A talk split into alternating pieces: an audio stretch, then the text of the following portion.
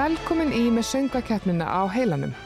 Í þessum þætti ætlum við að kynast nýrri hlið á keppendum söngakeppninar 2023 og fræðast um þeirra hugðarefni, líf, drauma, vonir og þrár. Við kíkjum í heimsóknu í Guðunnesi þar sem verið er að undirbúa keppnina og ætlum svo að spá í spilin og stjörnunars. Ég heiti Júlia Margret Einarstóttir og verð með ykkur næstu tvær vikur og ætla að baða mig í sönguverslunni sem stendur yfir og meðan við Íslandingar erum að velja okkur framlagt í Eurovision í Liverpool árið 2023.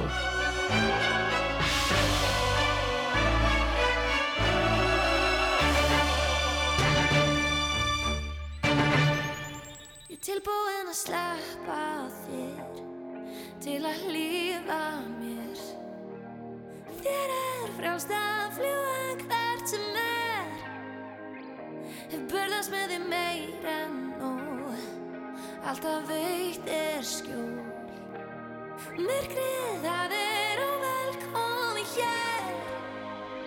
Ég tek aftur bótið svo ég gaf þér.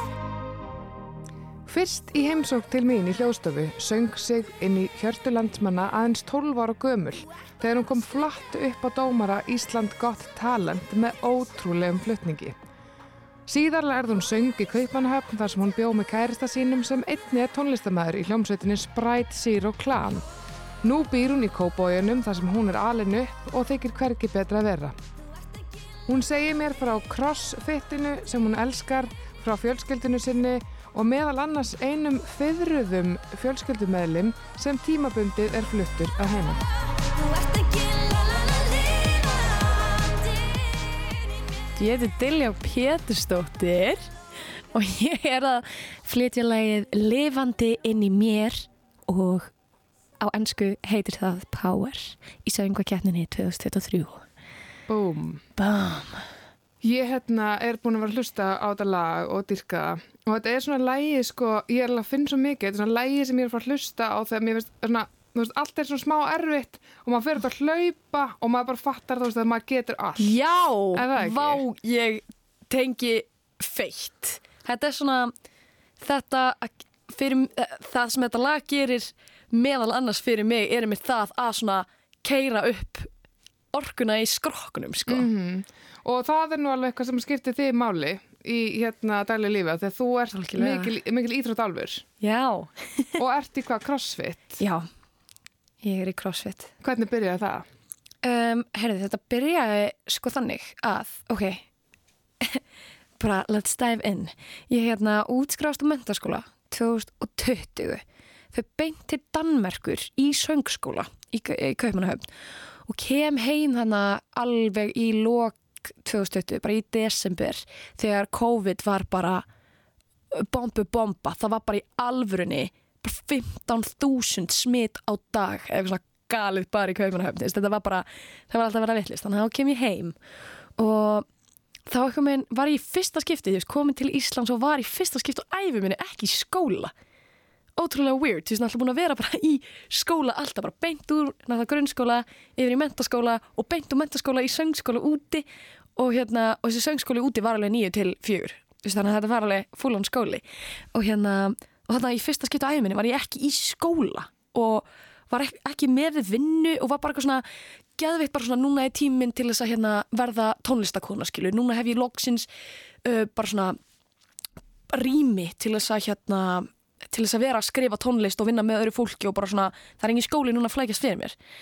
En það var alltaf eitthvað sem vantaði, það var alltaf eitthvað mér, mér leið alltaf eins og það væri eitthvað svona gap í lífið mínu. Gap gap í lífið mínu. Hérna sem, sem vantaði að fylla. Það var eitthvað þú veist og ég nei, náði að fylla það með því að byrja að æfa crossfit.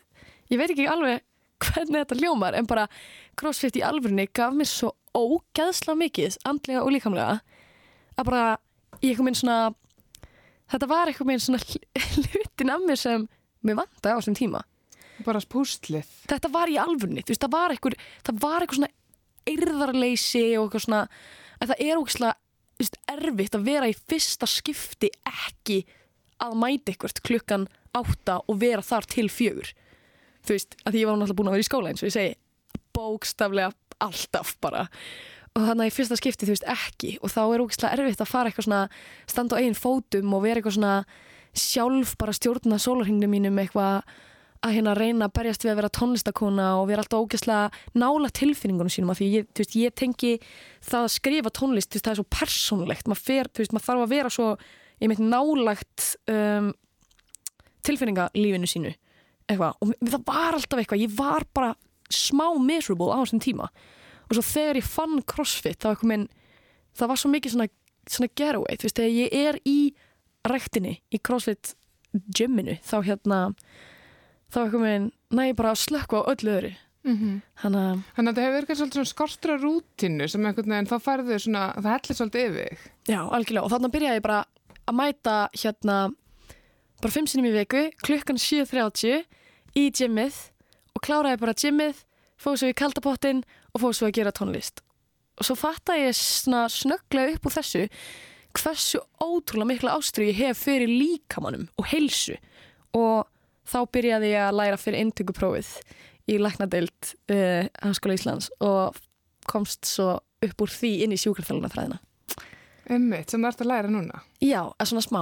Ég hérna skal alltaf framtaka, ég er alltaf 1, 2 og 3 að einbetta mér á tónlistinni og hérna, og svo er ég í að taka svona nokkra áfunga í sjúkarþjálun með, bara einfallega því að mér finnst það svo áhugavert. Ég elska líka mann.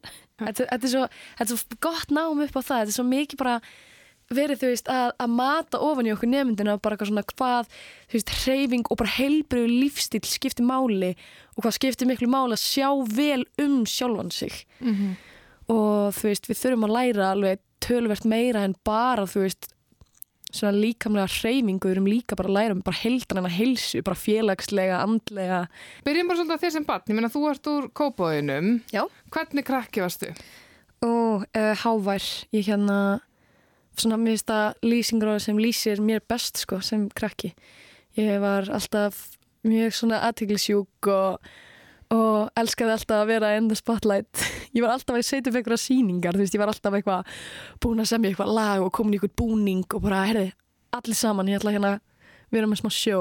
Og alltaf þú veist þegar komið gestir heim þá er ég alltaf bara með Bara hún er aftur mætt, bara hún komin í nýjan búning, hvað nú? Vinnufélagar foreldra minna sko, þau bara þau sáu mig með atriði öruglega bara þrissvara ári því bara alltaf það verið hittingur á þeim þá var ég bara, ég ætla að vera með sjó fyrir þau. Æðislegt, það er heppin. Hvernig hérna, er heimilegt? Áttur sískinni, bjóstu með mömmun og pappa? Já, mömmu, pappa og bróðum mínum ég hef alltaf verið fjögur saman og páagögurinn, Max Og Max, er hann Já. ennþá með okkur? Herðu, nei hann, já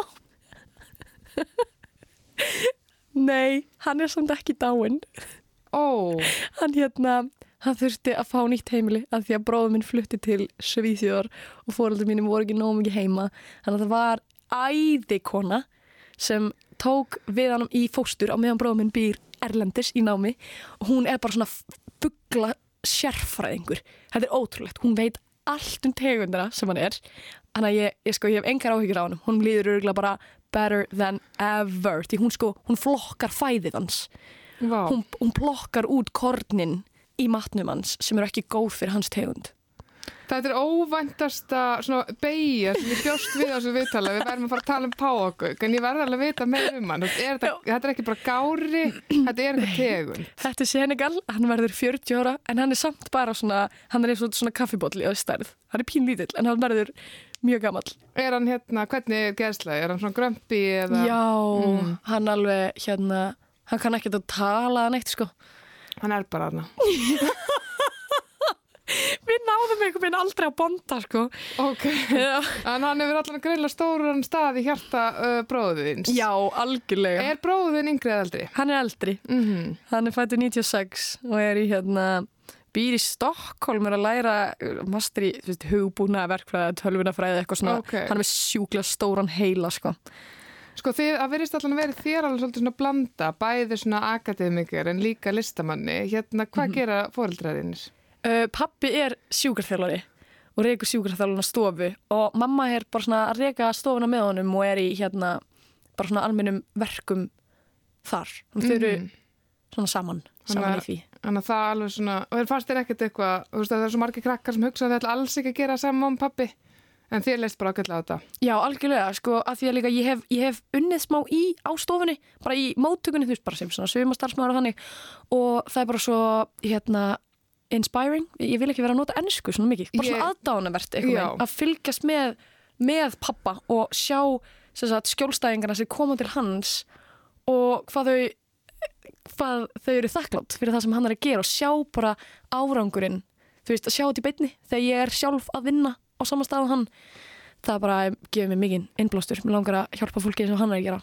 Ég þurfti sko að fara til sjúkarþjálfur í sömur og var hjá hann í halda ár. Og ég, ég sko, hún er guðatölu, þessu kona.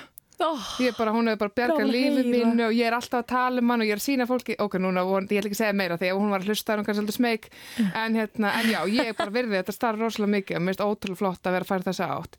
En þú ert náttúrulega líka bara komin á fulli í tónlistinu, en þú ert bara 21 ás, en þegar þú talar um líðu og hljómar eitthvað eins og sért miklu eldri, þú er gert rosa margt og búið einut í Danmörku og, og ert í sjúkarþararnámin, ert líka, hérna, fannst því í crossfitinu og allt þetta. En þú veist, þegar þú varst í grunnskóla, þá varstu, þú veist, þú varst líka leika og dansa, eða ekki? Jú, Mm jú, ég var hérna það var alltaf, hefur alltaf verið draumur að, vera leikona sko. Alveg um eitt partur af því hvað ég var alltaf með eitthvað síningar það var, þú veist, ég var ekki, ég stóð ekki bara að dansa sko. Það var alltaf bara atriði. En hvort lagtum náður að fara í leiklist eða fara í um, þessar áttir? Já, ég hef fengið tvisa sem tækifæri að sækja um leikarinn í allavegi og nýtti bæði tækifærin en komst ekki inn. En ég hef bara full að trú að það kemur bara þegar það á að koma. Algjörlega, hérna er eitthvað leiksturur núti sem vantar leikonu, maður veit, veit ekki að vita það er. Um, ég ætla að segja hérna núna bara svona á svona smá trúnu og ég var hérna í vinnunni gær. Og ég fór sko að gráta að horfa á myndbanda þegar ég var eitthvað að googla þig. Og ég fann þetta myndbanda af þér þar sem þú ert hann í Ísland gott talent. Ó, og sko það var svo ógeðslega krútlegt, hvað, hvað, varstu gömul? 12 ára? já. Já, þú varst 12 ára og varst sko skjálfandi á beinum og kemur svo inn á svið, alveg svona lítið písl. Já. Getur sagt mér hvernig, hérna, hvernig reynsla var þetta og horfðu tilbaka? Þetta var, þetta var svo stórt. Þetta var svo stórt fyrir mig því ég var alltaf, þú veist, hortið mitt á allar svona söng og söngva keppnir. Þú veist, mitt Eurovision og alltaf horfa á X-Factor, hérna, bandaríska og eitthvað og einmitt America's Got Talent. Og þegar þetta kom til Ísland svo var ég bara bara that, this is my, nei, ekki tala ennsku þetta er mitt tækifæri. Um, hérna þannig já, þetta, var, þetta skipti mér svo miklu máli og þetta var mér svona fyrsta svona stóra stóra sem ég gerði, ég veist, En þetta ég var að menn þú fara varst líka 12 ára, sjálfsögðu var þetta þú veist. En það er svo ótrúlega fallegt að horfa þetta. Þannig sko mamma einn kom þetta með, allavega í því sem ég sá. já, Og það er svo að hérna auðvitað blöð og spyr hann eitthvað svona, já þú veist hvernig myndir þú eitthvað að geta farið þetta svið? Og svarar hún eitthvað svona, nei ég myndi freka detta niður döð. já, hún er algjör introvert sko það er bara magna hún að vilja koma með mér og vera í sjónvarpinu sko pappi er miklu meira extrovert þú veist, ég, ég svona líkar eitt þannig séð honum í svona með þetta að gera sko. hann er alveg aðteglið sjúkur sko en En mamma, mamma alveg fylgdi er alveg svona í þessu. já, já, hún er alveg bara þau bæði sko eru bara stærstu hérna stuðnings aðrann mér alltaf sko Þannig þú ert bæðið mömmu og pappastelpa. já, ekki sjans að ég ger upp milli sko Nei, það verður ekki gert þér. Sko ástæðan fyrir ég fór að gráta er sem sagt hérna og ég bara, ég var svo hrærið yfir þess að þú ert náttúrulega bara lítið stelpa og svo, þú veist að þú bara söngst og þú veist hérna og dómarnir voru bara losti að þessi röddu var að koma úr þessu litla líkama og svo þegar lappaði aftur fram og fórst að gráta þú veist maður bara, að því náttúrulega það stóðu bara allir upp. Fimmur og brandarandi fengi alveg flakka og allir bara hvað, ég segi til, já og þú bara stendur þetta bara skjálfandi. Já.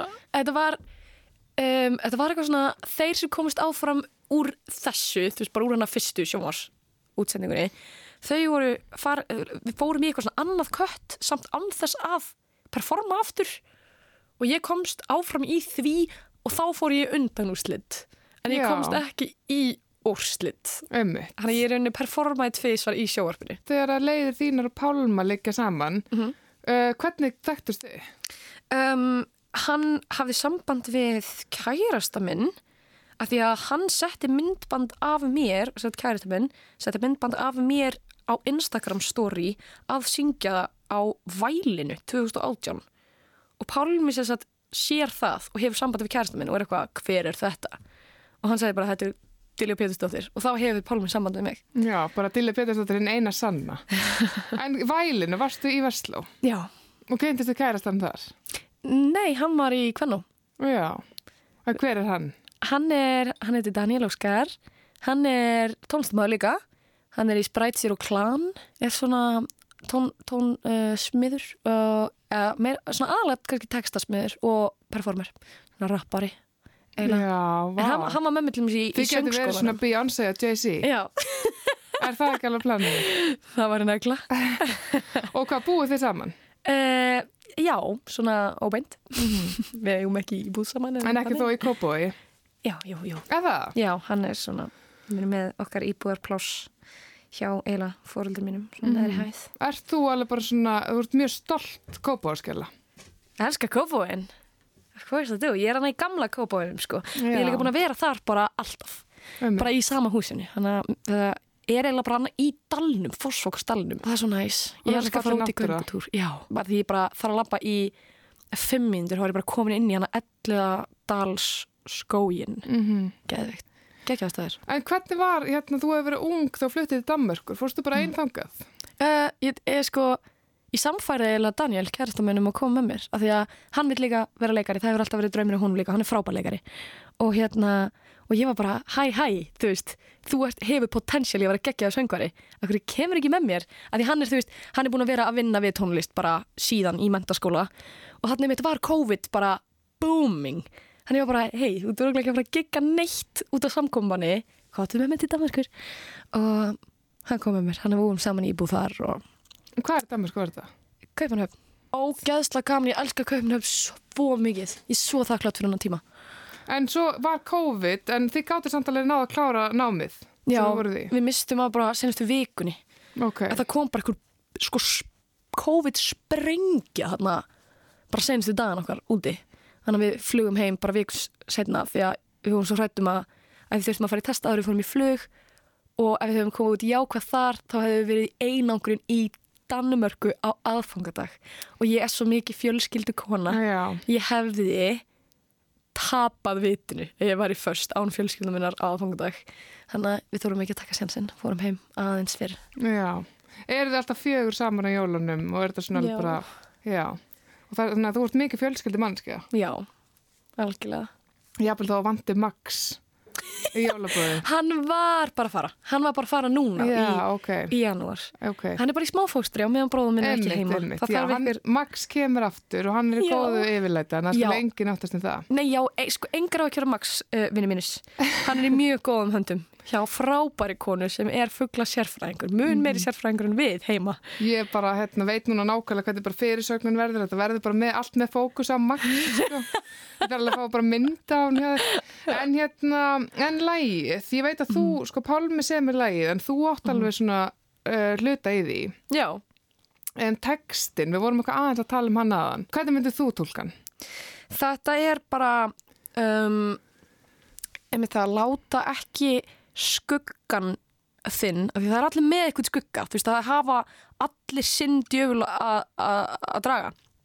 Uh, að láta bara skuggan ekki stjórna þér, þú veist, bara það er gott að minna sig á það, það er þú sem ert á baku stýrið og þú veist það er auðvitað í lagi að hafa skugga, ég menna það hafa líklega allir skugga en það er bara spurning hvernig, þú veist hvort þá leifir honum að að stýra þér, sko þannig tólka ég þetta, sko Og hvað gerir þú ef að þér lýr illa? ég er, ég er hjá Sálfræng mæti til hennar einu sinni í viku Og farið það bara yfir málinn og finnst þú að vera svona endur nærð eftir það? já, já hún er frábær, dyrka hana mér finnst frábært að fara í ræktina um strýta vel með líkamannum og getur maður alveg bara það bara þagnar hausinn og það er svo gott. Svo er ég svona að reyna að komast inn í hugleðslu. Það er pínu erfitt sko, þegar hausinn er alltaf á miljón. Alltaf tengja margir hérna mitt sem, þú veist, það er alltaf, við lifum í svo ógæslega hröðum heimi, það er ógæslega erfitt að setjast niður og okkur svona, já, ekki Nú hugsa. mátt ekki hugsa. Já, það er challenge. En Það gengur þér eitthvað í því? Mér hefur aldrei gengið neitt sko. já, það sko, mér finnst hjálpa ógæslega mikið að, að pústa vel í, í ræktinni. Þá næ ég svona að einhver minn róa mig. Þú veist, það fara kannski í ræktina í klukkutíma, einn og hálfan og fara svo til mér í sánu, bara engin sími, bara þögn og bara ég er hér fyrir mig. Og líka gott að minna sig á, þetta er, ok, kannski er þetta, kannski er þetta eitthvað weird hjá mér, ég veit það ekki. Mér sko þetta minna mig á hlutina sem ég get verið þakklátt fyrir. Eitthvað svona, þú veist, ég, ég get verið þakklátt fyrir, þú veist, að ég þarf ekki að hafa áhyggjur af því að hérna að ég fá ekki þakki yfir höfuðið í nótt eitthvað, bara svona minna mig á alls konar svona, svona hluti og þá er ég svona ah, þetta er alltaf að fara að vera í góði. Og ferðu bara yfir þetta í hausnum. Já, mm, já, og stundum þarf ég að gera þetta uppátt með kærastanum mínum sko, ef ég er oft hens þá bara svona, já, já, getur, getur mynd mig á hérna, getur mynd mig á hvað ég á að vera þú veist, takklátt fyrir, mér finnst það hjálpa mér sko, að ná, ná mér niður þegar þegar hausin er í köku sko. Já, vá, þetta er bara mjög gott. Ég, þannig að mér langar að prófa þetta. Það er rosa mikið að vera að tala um þetta með í dag, að minna sig með á það góða, að mm telja upp nokkra hluti, að mjög margir eru byrjað að skrifa þetta í dagbækur og okkur svona. En sko, þú ert 21 árs um, og þú komst þetta inn og í anna, allt öðruvís eldur en svona flestir sem ég hef kynst á þínum aldrei, þú veist, þá bara vildið þú fá cappuccino og, og sko, hefur einhver sagt þér að þú virkar svolítið svona gömul sál? Já, ég hef heyrt bæði sko Ég hef líka heyrt bara ég sé hérna að bara eitthvað svona fólk heldur að ég sé yngri en ég er. Ég hef heyrt, einmitt, ég hef heyrt bæði sko. Mm Og nú getur lítið út úr það yngur en þegar maður tala við þig þá er það bara svona þessi ef, ef að maður myndi trúa á okkur svona eftirlíf þá myndi ég halda þess, þessi er þúsund ára Já, en ég ætla ekki að fara að krifja það ég er ekki skegg með að veit ekki neitt mikið um eftirlífið. En bara svona lokum, ég meina núna styttist í stóra daginn, það eru undanúrslitin. Hvernig leggst þetta í þig? ógisla vel, ég er ógisla spennt. Mér finnst ég vera svo tilbúin í þetta Sko, hérna, þegar ég, að því ég horfði á þetta blessa myndskeið sem ég mæla alveg með því að fólk fletti upp. Dilja Pétursdóttir í Ísland Got Talent með mömmu sinni. Og mér finnst að þú vera allt önnu manneski heldur en ég sá á þessu myndskeiði Ég var náttúrulega svo lítil sko. Já, maður, er búin að, maður er búin að lifa. Já, en ekki svo lengi samt. Nei, svo náttúrulega það. En þegar þú horfið tilbaka á þessa hérna, 12 ára Dilja, hvernig finnst þú að hafa breyst? Á öðru leiti heldur en bara eldast. Ég er búin að gera, þú veist Ég er búin að vera að einmitt, nýta svolítið tíma eins vel og ég get. Ég undirbúa mig undir þetta því ég ákvað bara með mjög snemma bara þetta er það sem ég ætla að gera. Ég ætla að vera tónlistakona Mér langar eiginlega að taka fram sko að ég er búin að vera, ég byrjaði fljótlega eftir Íslandsgóð talent í kór. Og ég er búin að vera í kór síðan þá. Það hefur í alvörunni gefið mér svo ógeðslega mikið. Ekki bara þú veist svona andlega heldur líka mitt bara svona sem söngkona. Þannig að ég mæli ángríns eindreiði með því að ef ykkurum langar að þú veist bæta sér í söng en er kannski ekki alveg reddi ég mitt að fara flytja til Kaupmannahafnar og vera í söngskóla nýju til fjögur á daginn að hérna fara í kór þar sem þú ert bara einu sinni í viku kannski tvisvar um, það, veist, það gerir ógislega mikið að vera að syngja með hóp og þurfa að vera að ratta og uh, ef þú vilt uh, fá, þú veist, að vera frontsöngvari, að þú veist, vera í, í sóló, þá getur þú eflust beðið um það, en alltaf fyrst maður veistu hvernig kóru úr því, en ég hef í alveg bara með sko kórstjórnum mínum Óskar Einar sinni bara allt að þakka, hann í alveg hann er búin að gefa mér svo mikið að tækifærum. Laugardagurinn, ætlar að negla þetta? Ætla ég? Heldur Petur Hvernig að alla í tilfinningi þetta. verði rétt áður og stígur og svið? Þú eru ekki skjálfandi eins og hérna 12 ára Dilja mögulega sko mm. en bara ég, ég veit þá, það er bara kemur í ljós sko ég er bara vonandi nægja að sofa vel fyrir þetta svo ég sé vel svona þú veist, í góðum bara sem, bara sem bestum gýr sem ég get verið í og hérna, já, ég þetta er bara að fara allavega spennt Og þánga til, bara cappuccino, reyfing, sálfræðingurinn og þá getur ekki klikkað. Já, Dilja Pétursdóttir, takk æðislega fyrir að kíkja við hjá mér og gangið vel að löta en við sjáum þá. kærlega fyrir mig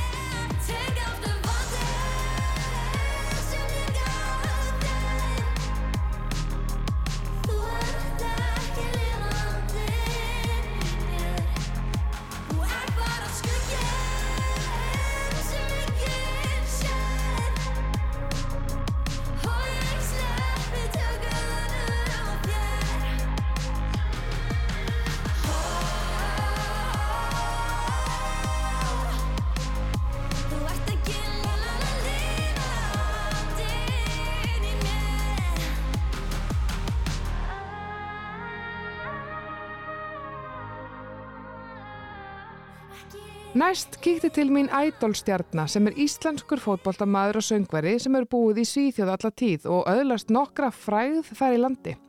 En hann elskar að heimsækja Ísland og er opinn fyrir því að finna sér íslenska kærustu og taka með sér aftur heim til Svíþjóðar. Allir viðast vita hver ég Lát eins ég viti hvað mér ber. Og orð er að þrýsta sér inn. Tegja og toga þanga sem þau vilja ég sé. Allir viðast vita hvað ég vil Orðin sem aldrei voru mín. Heldur vilji brjóta mig Bara sé til gaman. Stundum er stormurinn beint þér í fang. Mundu þá andað og róaðu hugan Ég heiti Arnar Bræi Bergsson og er kallaði Bræi þegar að flytja þetta lag. Stundum snýst heimurinn gegn þér. Einmitt, sko, hérna, þú heitir Bræði þarfst að flytja þetta lag en núna situr hérna mér þarfst ekki að flytja lagið. Mm. Eh, þú veist, á ég kallaði Arnar eða Bræði. Nei, þú getur bara sagt Bræi. Ok, þá ger er ég það. Það er einfalt, ok. Hérna, þú ert sko svíinn í keppni Mm og það er nú reyndar einhverjir fleiri en þú sem hafa tengingu til Svíþjóðar en þannig erum við með á Norrlundunum, við erum mikið að flakka milli en þú hefur búið alla æfi eða það er að segja nema þegar þú varst einsás. -hmm. Þú veist, hvar er fættistu og, og hvers vegna fluttið til Svíþjóðar? Ég fættist hérna í Reykjavík um, og bjó mitt fyrst áraðan við hliðin á flugvellinum en uh, pappi minn er uh, læknir og hann var að fara út í svona sérnám eins og margir læknar gera fullt einhver íslensku fólki hérna í Gautaborg um, já bara út um allt held ég á Mhm. Norrlöndunum en já þannig að við fluttum til Gautaborgar og þar ólst ég upp og kom til Íslands í sumafríin og svona en, um, en ég bjó aldrei hérna á Íslandi Einmitt. Og hérna þegar þú segir fjölskyldan, svona, hver eru það? Fóreldrein, er þetta sískinni? Já, þetta eru fóreldar mínir um, Bergur og Ingibjörg og svo litla síski mín Aron og Andrea Einmitt, þannig að þú ert elstur. Ég er elstur Einmitt. Og ertu það svona leiðtóin í hófnum? uh, Nei, ég veit það nú ekki Ég er örgulega Ok, ég er elstur en uh, hinn sískinin eru kannski eldri að hérna á margan hátt hvernig þá? Nei, ég veit að ég er bara leika mér eitthvað fjall Íslands í söngakeppnina og svona Mm Er þau svona ábyrgari? Er þau komin á, svona græðara? Er þau ætla að þau vera læknar eða eitthvað slis? Nei, því miður fyrir að pappi er náttúrulega mjög fúll og mónsveikin uh, til okkur, kannski litla sýstu mín verið lækni, hún, Mhm. hún er aðeins yngri sko, en mm. Mm litli bróði minn er verkfræðingur og já, svo ég er bara eitthvað búin að vera að leika mér í fótbolta og syngja og svona, -hmm. reyndar að læra líka þannig að ég klára núna í sumar um, ég veit ekkert hvað það heitir á íslensku marknadsföring, ja, media og kommunikation Ég hef ekki hugmynd. Ég, Nei, þetta er byrju, svona markaðsfræði Markarsfræði, ok. já, já. E, já, na, já, ok, það er náttúrulega allan eitthvað. Þú svona millið sem að hérna, þú leiku þér, eins og þú Mhm. segir, e, sem að aðrir myndir bara kalla atvinnu, þá hérna ertu líka í skruttunum. E, hvernig var svona æskan? Þú ert alveg upp í Gautaborg eða hvað? Já, ég er alveg upp í Gautaborg um, og hún var bara mjög fín ég hef sagt að í Svíþjó líka eh, í einhverjum svona viðtölum að ég veit alveg að það er fullt af fólki sem að veist, uh, elst upp við eitthvað leiðindi og svona en ég hef bara, þetta hef bara verið frábært allt saman Hvernig típa varst í skólanum? Þú varst svona fótballtastrákur. Já, ég var bara algjörst fótboltanörd sko, ég ætlaði mér að verða einhver atvinnamaður í fótbolta Ömmitt. um, Var bara stefnan tekið þangað bara snemma? Já, það var bara stefnan og samtímis þá var ég líka út því að þegar ég var í um, fyrsta bekk þá uh, það var alltaf sungið svona á, þegar skólinn er að enda í Svíþjóð Mm og kennara minn fannst ég að syngja vel og sagði að spurði hvort ég vildi ekki syngja sóló og ég náttúrulega gerði það var ekkert að pæla mikið í því var eitthvað svona smá strýtt af strá- strákunum sko, því ég var náttúrulega svo rosalega töff fótboltagæði sko, sem Mhm. fór alltaf inn að syngja hana og -hmm. En ég held áfram og það var kannski ekki allir sem vissu það. Ég var í kór í, í Gautaborg, Göteborgs Gottkör. Um, Hvað var- gammal þarna? í, kannski að milli fyrsta bekk og þriðja bekk. Já, bara áttar eitthvað svo leis. Já. Mm En þetta var samt stór kór, fullóri fólk líka og svo alveg niður að, okkur sko, sem voru lit, litli strákar. Sko. -hmm. En bara strákar og svo fórum við út um allt og syngja og... Og þú varst ekki að segja töffurinnum í fótballtan frá því? Nei, en uh, það var einhver tíma sem að ég, ég var á æfingu þurfti að fara út á einhverja svona kóraæfingu og samtímis var leikur og ég gati ekki mista á kóraæfingunni og þá fréttist þetta og Úff. það var eiginlega bara þá var eiginlega, þá hætti ég eiginlega bara að syngja sko, í, í kórnum Já, þetta er, ég hlakkar hann svolítið mikið til að fara aðeins meiri saumanna á um, þessu. Um, sko, þannig að þú ert þarna, uh, þú færið mentarskóla, ertu þá ennþá bara í Gautaborg Já, ég bjó alltaf í Gautaborg og gerir enn? Nei, það er nú svona ekki alveg, ég er náttúrulega mikið í Gautaborg, fjölskylda minn býr í Gautaborg, uh, fóreldrar og sískinni, ekki litla sýsti mín, hún, hún býr í bandarækjunum í college, Mm uh, en ég, ég býr núna í Stokkólmi, -hmm. það er uh, víst þar sem maður á að vera ef maður er eitthvað svona í tónlist, sko. Já, er það svoleiðis? Já, Já, sko svíjar eru náttúrulega mjög framalega, það er eitthvað svona, ég menn þetta er ekki bara mýta, það er rosalega oft þannig að hérna, þegar það koma einhverju rosalega góðu popslægarar frá bandarískum hérna, popstjörnum, þá er einhverju svíjar að semja. Þú veist, er eitthvað í Já. vatninu þarna eða hvað? Hvað ætlum að sé? úff, ég bara veit það ekki. Segi, ég heyra það náttúrulega ekki út þegar ég hef alltaf búið í Svíþjóð en ég hef oft fengið að heyra við syngjum svona þegar við tölum að, Já, það er náttúrulega þannig. Þetta er kannski eitthvað svo leiðis En síðan er Íslendingar líka rosalega góður í eh, tónlist finnst mér Íslendingar, við Þú ert Íslandingur. Já, ég myndi nú segja það um, Auðvitað er ég líka svíi út ég er búið Auðvitað. allar minna æfi og ég á uh, ég er með tvöfaldan ríkisborgar rétt og svona Mm -hmm. uh, og er náttúrulega mörguleiti svíi en um, en mér finnst sko til dæmis eins og með nafni mitt Vist, ég byrjun þá var ég kallað Arnabræi en ég sýt að notaði bæði nöfnin en um, síðan var hérna það var ekkit hægt að uh, fyrir svíjan að segja bæði þessu nöfn það var sko Annabræi Já, einmitt. og ég sem var svona töff fótboltastróku það var ekki hægt að heita Anna sko. Nei, þannig nei, að ég tók það burtu bara En geta svíjar sagt bræi? Nei, þeir geta það nefnilega ekki heldur Nei, og það var betra heldur en Anna sko. ok, ok. þannig En að þú getur sagt Bergson, þannig að, já, það er mjög auðvelt nema þeir uh, villa þetta við að, að skilur halda þetta eitthvað bengt svona eða eitthvað já, já, þetta hefur verið Þannig smá, já, nafni verið, er svona svolítið og séðan, þegar ég kem til Íslands þá þá er miklu auðveldur að stundins ég var í banka einn um daginn til að þegar ég hef ekki skoða bankareikningi minn síðan ég bjó hérna Mhm. eh, þá, þá get ég bara sagt bræði og þetta er ekkit mál einmitt, hugsaðir, því luxusinn bara, getur gengið um satt nafni sitt. mm En sko, svo nefnilega, hérna, þú býrð þarna út í öll þessi ár, en þú kemur yngar stundum á sumrin, bara svona í æsku. Hvar varstu aldrei þá? Um, ég var hérna í Reykjavík smá um, að, veist, við vorum ekki bara að hilsa upp á ættingja og svona og Mm það var eitthvað hérna í Reykjavík en mesta leiti var að Akureyri, mamma Já. þann Ok, áttu fjölskyldu þar? já, já, eitthvað uh, já, Mm ég hef ekki farið ánga núna í nokkur ár sko en ég, Einmitt. en já, já, fullt einhverjum, einhverjum ætt, ættingju þar Mm uh, og svo Akranes líka, Einmitt. líka Og marstu, þú veist, marstu til þess lakkaður til að koma til Íslands sem var slítill? já, mér fannst alltaf gaman á Íslandi Mhm. þetta, þetta er bara þannig en síðan er ég svona típa sko þegar þegar ég er að fara eitthvað þá finnst mér þetta ógislega erfitt Já, hann eins og til dæmis núna þegar ég var að fara hingað frá Svítið og hugsa, hvað er ég búin að gera akkur er ég að fara eitthvað Mhm. svona en síðan þegar ég er komin, komin hingað núna langar mér ekkit að fara aftur til Svítið einmitt. Þannig að ég, mér líður bara alltaf vel það sem ég er og Það er bara að hafa- eiginleiki en auðvitað náttúrulega geta svona, já, svona viðbrið verið erfið. En maður spyrja, þú byrjuð til Stokkólmi, hérna byrjuð einn eða ert með fjölskyldu þar? uh, nei, ég bý einn En þú ert ekkert komið með hennar konu, eða mann? nei, ég er ekki ég er aðeins svona ungur eins og ég var að segja á hann Akkurat.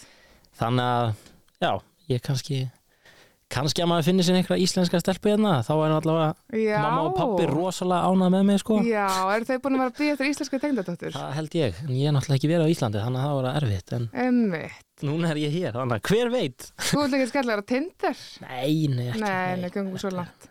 En ég menn, það er aldrei að vita nema verða eitthvað fengulega stúlkur að fylgjast með og... Já, ég meina við erum falle, eða, fallegt fólk ísendingar Já, nákvæmlega. hver veit En Þetta er kannski ekki aðal, aðal, aðalsporti núna sko, ég er náttúrulega að fara í söngvakefnina Nei, nei, þú hefur verið enna ymsu að hyggja og ég vona hérna, þetta sé hún ekki að fara að taka alla orkunneina, þessi, Nei. hérna, þessi makaleit, en hérna, ef að mamma en að pappa er að hlusta, þá vita allan að það að þú ert opinn fyrir möguleikanum að finna þér einhverja konu á Íslandi.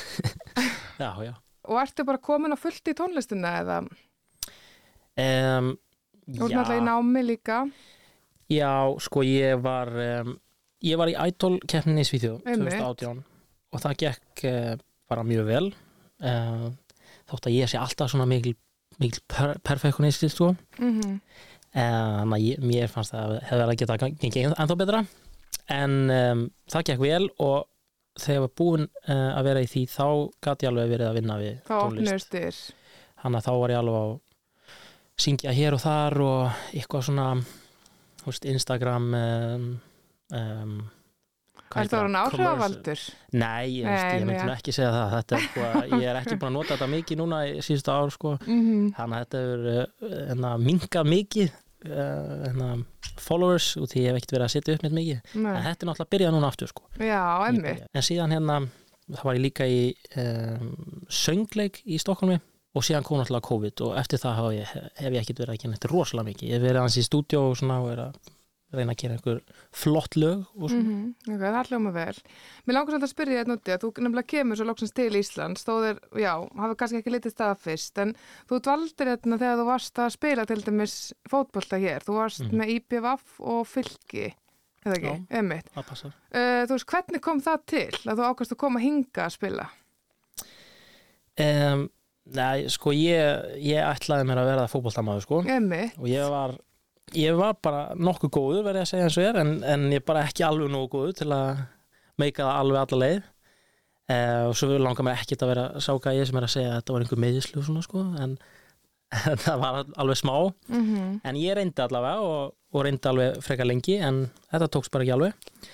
Um, en þegar ég var, ég var þá IFK Gautaborg heita það, liðið í Gautaborg. Mm um, var eitthvað svona smá meittur og þegar ég var að leiðin upp í meistarflokkin og, og þá kom bara annarkort var ég að fara til Íslands að spila með IPVAF til að Herman Hreiðarsson ringdi í mig uh, eða þá var ég að fara til eh, Bandaríkjana í svona háskóla eða spila með einhverju lélögu liði í Svíþjó þannig að að það var bara Ísland nokkri kostir og ég meina þú bjóst þá út í Vestmanniðin til dæmis. Já, já. Voru það ekki smá viðbriði? Jú, það var uh, það var viðbrið, en það var líka fínt fyrir mig út því að ég náttúrulega þekkti ekkit eitthvað svakalega mikið af fólki. Og Vestmanni er, er ekkit ég, ég, mér finnst mér fannst mjög fínt í Vestmanni en það, en það er frekar lítið. Mm og þá getur maður alltaf skilur eftir æfingar og svona þá fór, fór maður alltaf með einhverjum liðsfjölum að gera og þannig að ég kynntist fólkinu betur og var betur í íslensku held ég en ef ég hefði verið á enna höfubarkasvæðinu þá Einmitt. hefði maður bara farið á æfingu og síðan hefði allir bara farið út um allt í bæinn eitthvað heim til sín en þetta var svo lítið þannig að maður var bara alltaf eitthvað Ummi, þannig var svona hluta svona litlu samfélagi þá. Já, En það er nefnilega, sko það sem ég er búin að hugsa svolítið, þegar ég hérna hlusta á lagið og, og hérna, og alveg frábært og, og svona fór að kynna mér aðeins á þig og það er svolítið áhugavert eins og þú varst að tala um og það sem þú tókst eftir þú varst ungur, það er um, þetta stökk frá því að vera fótboltatöffari og vera Eurovision söngveri. Og þetta, þetta, það, það fer ekki alltaf saman. Þú komst það í ungur að þú, veist, þú hefðir ástriðið fyrir þessu tönnu, bæði að syngja og spila fótbolta, en þú varst Mhm. ekki tilbúin þá alveg til þess að fara í söngina því að það passaði kannski ekki alveg við þessa ímynd. Nei, það er kannski all, sumir hefði kannski getað það ég var, var náttúrulega eitthvað mikið að hugsa um uh, hvað allir voru á þessum árum sérstaklega, hvað allir voru að hugsa og svona en, en um, síðan eru bara allir sem að fylgjast með þessu þótt að maður sé einhver töffari sem segja þetta Já, sé ekki það og eru allir að horfa á þetta það er bara staðan, ég menna það er bara hérna, svona Það elska 90% íslendingar sem fylgjast með og það er ekkert, það er bara mjög töff að vera popsöngvari, það vantar ekkert upp á það. Uh, það að fara í ædolið, hvað var til þess að ákast að skráði til leiks í sænska ædolinu? Já, ég var búinn að syngja uh, ég var alltaf að syngja eitthvað svona sjálfur eitthvað um, og um, ég veit ekki alveg ég, ég, er að, ég er ekki alveg búin að átta á hver var sem, hérna, sem tipsaði um mig um, en það getur að vera liðsfélagi sem ég söng í skýrtinni hjá sinans eða þá er þetta mamma mín eða litla sýsti mín ég Sem held- sendi inn umsóknuna? Já, sem að sendi til þeirra eitthvað þegar ég var að syngja og þannig að þau sko tíðu fjögur í Svíþjóð hafði samband við mig og sagði, vilt ekki koma á og þá hugsaði ég bara, jú, jú, þetta ég, ég, mér er alltaf, alltaf langað að gera það en ég er kannski ekki þórað og hugsaði núna að já, ég gera þetta bara. Þannig að ég fór í þessa hvað heitir það, audition áhör þetta er En erfitt á íslensku. Já. og það gekk bara mjög vel. Síðan bara helt áfram og ég var ekkert mikið að hugsa. Ég, núna eftir á þá hugsaði ég sko að maður hefði kannski átt að æfa sig ennþá meira og þetta var náttúrulega rosalega möguleiki en ég hefði rosalega gaman og þetta bara gerðist, þetta var bara allt í einu stómar bara aðna á hverjum fyrstu og var að syngja Sko nú ert þú mjög hófavær. Þú náttúrulega varst að taka þátt í Idol í Svíþjóð í sko marga miljóna landi og komst Mm. í, hérna, þú varst lendir í þriðasætið ekki? Jú, við vorum tveir sem að það voru fjórir eftir í uh, undanúslutum Það er alveg frekar góður árangur, sko. Já, það, það hefur fólk hefur sagt það, það er margir sem að sækja um þessi þjóð Já, ok, ég heyri bara að þú ert með fullkomnar áráttu. Já, já, Já, en það er kannski bara, ég meina einhvern hátt kemur sér vel, en það er náttúrulega líka bara mikilvægt að taka eftir bara þegar, að- ég meina þetta er náttúrulega rosalegt. En hvernig er það? Ég meina, þú veist, hversu mikið er áhorfu á ædol í Svíþjóð, þú veist, ertu stoppaður á götu og svona? Nei, ekki lengur en þegar ég var í þessu og kannski svona uh, þetta var 2018 þannig að kannski svona að 2020 Mm þá var maður en samt svona eins og rússipanni sko í byrjun var maður þá, þá var bara ílega hvers skitt sem maður fór eitthvað út þá var einhver sem að vildi fá myndið eitthvað. Þegar ég var sko alveg í þessu ædólum -hmm. og síðan var þetta svona eins og rússipanni það byrjaði hátt og síðan bara var minna og minna. En núna er engin að spá í þetta. Kannski ef maður byrja að tala við einhvern og svo bara ég kannast eitthvað við þig. Og mm, síðan er kannski eitthvað fólk sem að kannast við maður en veist, það er engin að fara að taka einhverja mynd með mér út á götu í Stokkólmi núna sko. þannig að Nei, en kannski eftir þetta Já, veit, sko. sko, en myndur, þú veist, hérna, ég meina, ef þú ferðið í, hérna, Eurovision, sem gæti náttúrulega gerst, að þá, hérna, gerist það byggla aftur, en, þú veist, hvernig finnst þér sá veruleiki? Fannst þér, það bara gaman eða fannst þér það erfitt? bæði og það er náttúrulega gaman að fá aðtikli og svona maður verður svona fær svona smá eko-boost sko en stundum fannst mér þetta líka uh, ekki neitt eitthvað rosalega skemmtilegt sko eins og þegar maður þetta var sem að, veist, mesta fólki sem vildi koma fram og eitthvað, ef maður fara út í búð eða eitthvað. Mm Þú voru bara að kaupa þér bara ég í ætla bara að kaupa mér eitthvað, þú veist, var bara með fullt af einhverjum, skilur, hárið út um allt og bólur og veist, eitthvað, bara fullt af einhver fólki sem vildi fara að taka einhverja myndir, skilur. Þetta, það var kannski ekki svaklega skemmtilegt. Mm en jú, jú, þetta er þetta, þetta er bara svona sem að ef maður uh, gerir þetta vel þá, þá fylgir þetta bara Nákvæmlega, og ég meina, hver veit, ég meina, núna ertu náttúrulega að byrja í tónlistinni úti í Stokkólmi og ert að taka þátt í söngakeppnin, þannig að þú ert að bjóða hættunni heim að þú já. verður aftur stoppaður í maturubúðinni. Við sjáum til við það. Hvarlaði að þér að, hérna, hefur hvarlaði þér að taka þátt í hérna, Melodífestivalin?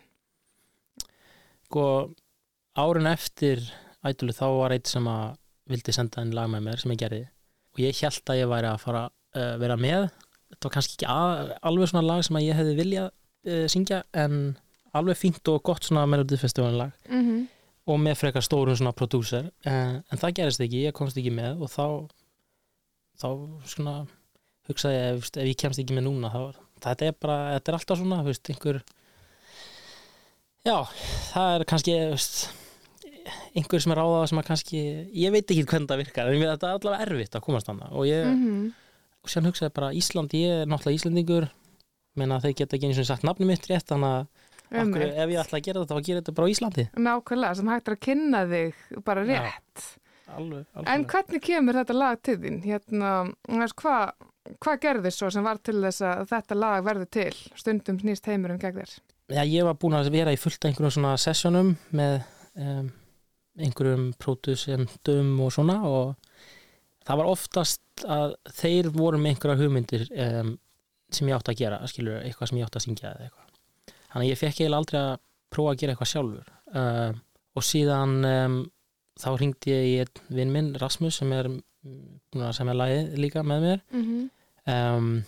og Aniela uh, og við hittumst og þá sagði ég að mér langaði að gera eitthvað sjálfur skilur þannig að ég spilaði þetta á piano uh, sem er introið og sem heldur svona áfram í læginu og síðan byrjaði þetta bara og hún spurði hvað við vildi syngja um og þá bara, uff, ég veit það ekki en ja, kannski þetta, þú veist, allir vita alltaf hvað hvað ég er að gera skilur, akkur, akkur helst ekki áfram í fótbolta akkur eftir ekki í um, sle, hefst, gefa út einhverja tónlist meira en þú ert að gera, akkur eftir ekki læra meira, akkur fyrst að vinna ég búin að vinna í skólar mikið sem kennari skilur eh, en ekki með um, ekki með um, uh, ekki búin að fara í skóla til að vera kennari mm, Já. einmitt. Þannig, að, þú veist, og þá var fullt af kennur sem sögðu það líka akkur ferði ekki bara að kenna, hún passa vel hérna á eitthvað um, þannig að það var bara endalust eitthvað og ég var bara alveg, ég vissi ekkert hvað átt að gera ég var bara í einhverju Tilvist að krísu. já, já, algjörlega og, og þá um, þannig að þá byrjaði þetta bara þannig lagið og síðan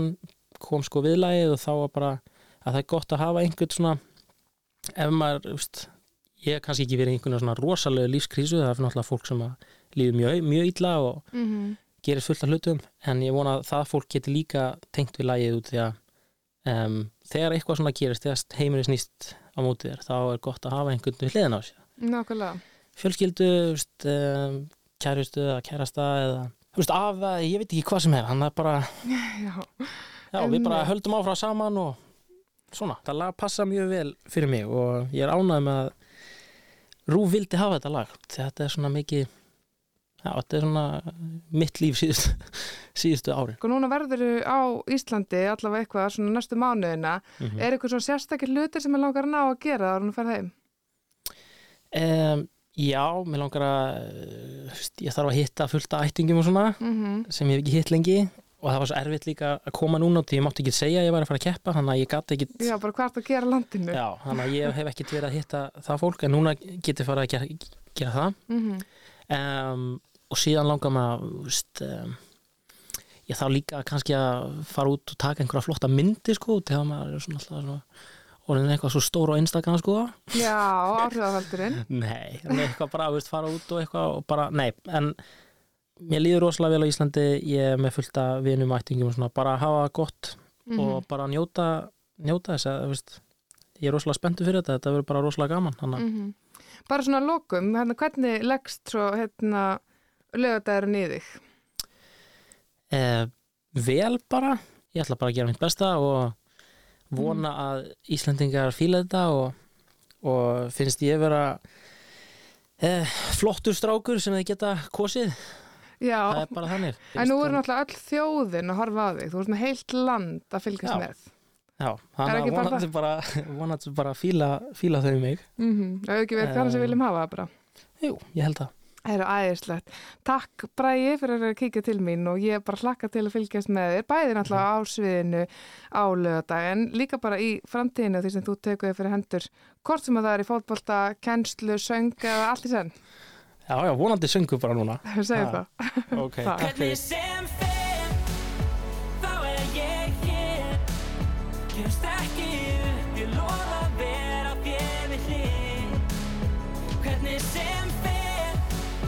Við Við hjálpumst að Þú og ég Þú aldrei ein Stundum snýst heimring gegn þér En þá verð ég alltaf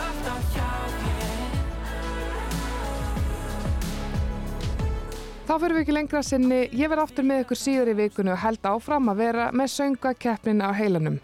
Ég heiti Júlia Margrét Einarsdóttir. Takk fyrir mig.